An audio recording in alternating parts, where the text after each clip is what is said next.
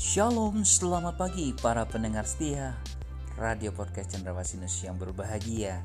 Hari ini kita akan mendengar akan renungan akan firman Tuhan. Biarlah firman Tuhan yang hidup itu akan menjadi berkat ketika Anda mendengarnya Dan rema dalam kehidupan Anda. Selamat mendengarkan firmannya. Tuhan Yesus memberkati Anda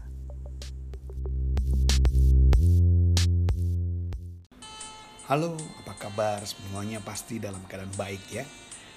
Firmannya hari ini saya akan membahas tentang kuasai dirimu. Nah, ayat yang saya ambil adalah dalam 1 Petrus 4 ayat yang ketujuh yang berbunyi demikian. Kesudahan segala sesuatu sudah dekat, karena itu kuasailah dirimu dan jadilah tenang, supaya kamu dapat berdoa. Sewaktu Rasul Petrus ini menulis ayat ini atau tulisan ini kepada jemaat Tuhan, tentunya kita tahu ada sebuah penderitaan, ada sebuah pencobaan yang sedang mereka hadapi. Ya, sebagai murid Tuhan, Petrus juga mungkin sudah mengalaminya dan kita diajar untuk belajar bagaimana menanggungnya dengan sukacita. Biarlah sukacita kemenangan yang ada akan mengawali kita semuanya atas mengatasi kesedihan dan kekalahan dalam diri kita. Satu pelajaran yang memang kadang-kadang kita nggak bisa memesan ya. Tidak seperti kita pesan baju ada ukuran ya. Kita tidak bisa pesan makanan seperti yang sudah ada di menu. Cobaan dan ujian tidak dapat pesan ya. Kita biasanya datang secara mendadak.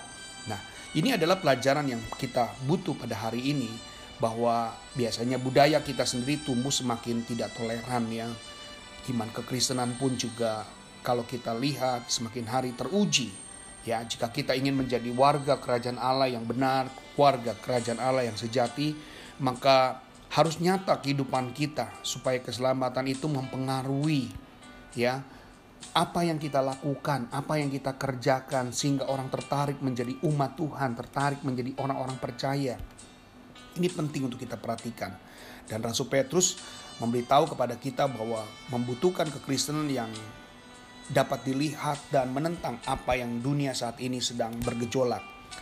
Bagian kita atau dolongan Petrus yang saat ini diajak kepada kita adalah mari kita tetap mengikut Yesus walau dalam kesengsaraan.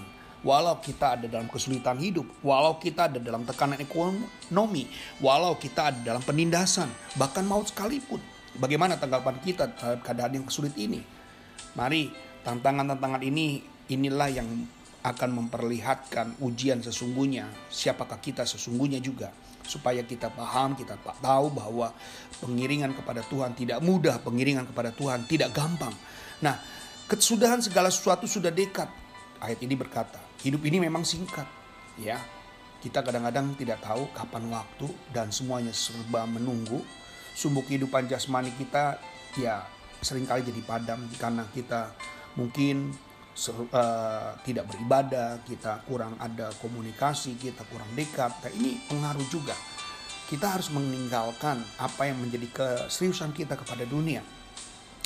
Untuk kedatangan Yesus yang kali yang kedua, kita harus ada dalam keadaan siap.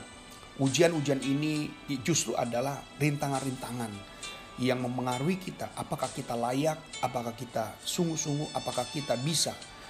COVID ataupun pandemi COVID-19 ini membuat kenyataan semakin jelas siapa di antara kita ya sudah melihat ada yang sudah berpulang teman kita, rekan kita, saudara kita tanpa sempat kita mungkin diperkenankan untuk melihat jasadnya untuk terakhir kali saja sulit.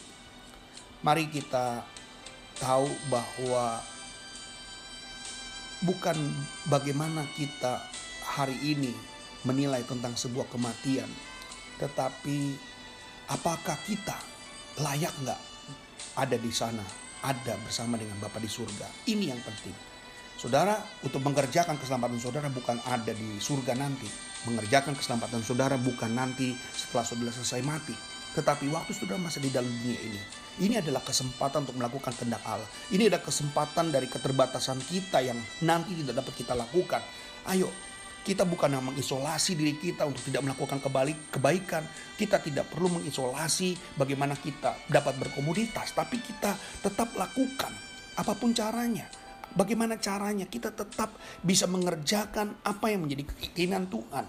Menabur tetap kebaikan, memberitakan ke, uh, ke firman Tuhan. Dan itu sangat penting, itu sangat berharga Bapak Ibu. Jangan kita sia-siakan waktu kita.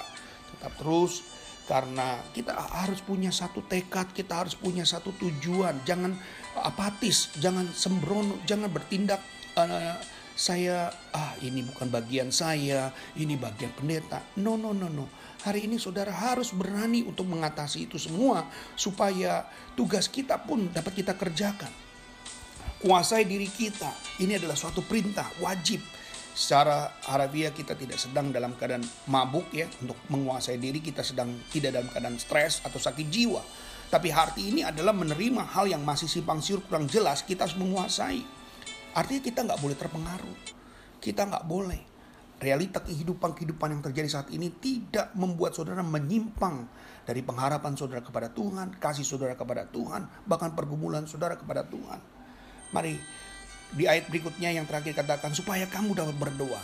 Ini bisa hidup di dalam Kristus kita harus disiplin. Jangan doa kita kita tinggalkan. Jangan doa-doa kita mulai melempem saudara. Semangat doa pagi tetap terus berjalan. Semangat doa bersekutu juga harus tetap semangat saudara. Kita jangan sampai lupa bahwa kita bisa ada hari ini. Itu semua karena Tuhan. Kita ada hari ini karena Tuhan yang begitu baik ya keadaan yang seperti roller coaster yang kita sudah lihat turun naik turun naik bahkan ekstrim membuat kita seperti ada dalam uh, penjara kita seperti ada di dalam jerat kita nggak bisa ke mana-mana tetapi jelas saudara Tuhan tidak pernah meninggalkan saudara waktu Tuhan ada di Getsemani dia tahu bagaimana dia harus mempedulikan dia melepaskan supaya kesengsaraan yang dialami tidak berlaku buat saudara dia sudah tanggung mari yang penting saudara bersyukur berdoa kepada Dia, hidup menguasai diri, dan sungguh-sungguh kepada Dia. Tetap minta tolong kepada Dia. Saudara-saudara, marilah satu hal yang boleh saudara catat, mengapa kita harus menguasai diri, supaya hidupmu tetap ada di dalam Dia. Jangan menyimpang ke kiri atau ke kanan, tetap pada firman-Nya. Itulah renungan kita hari ini. Kiranya saudara diberkati Tuhan senantiasa. Shalom. Haleluya.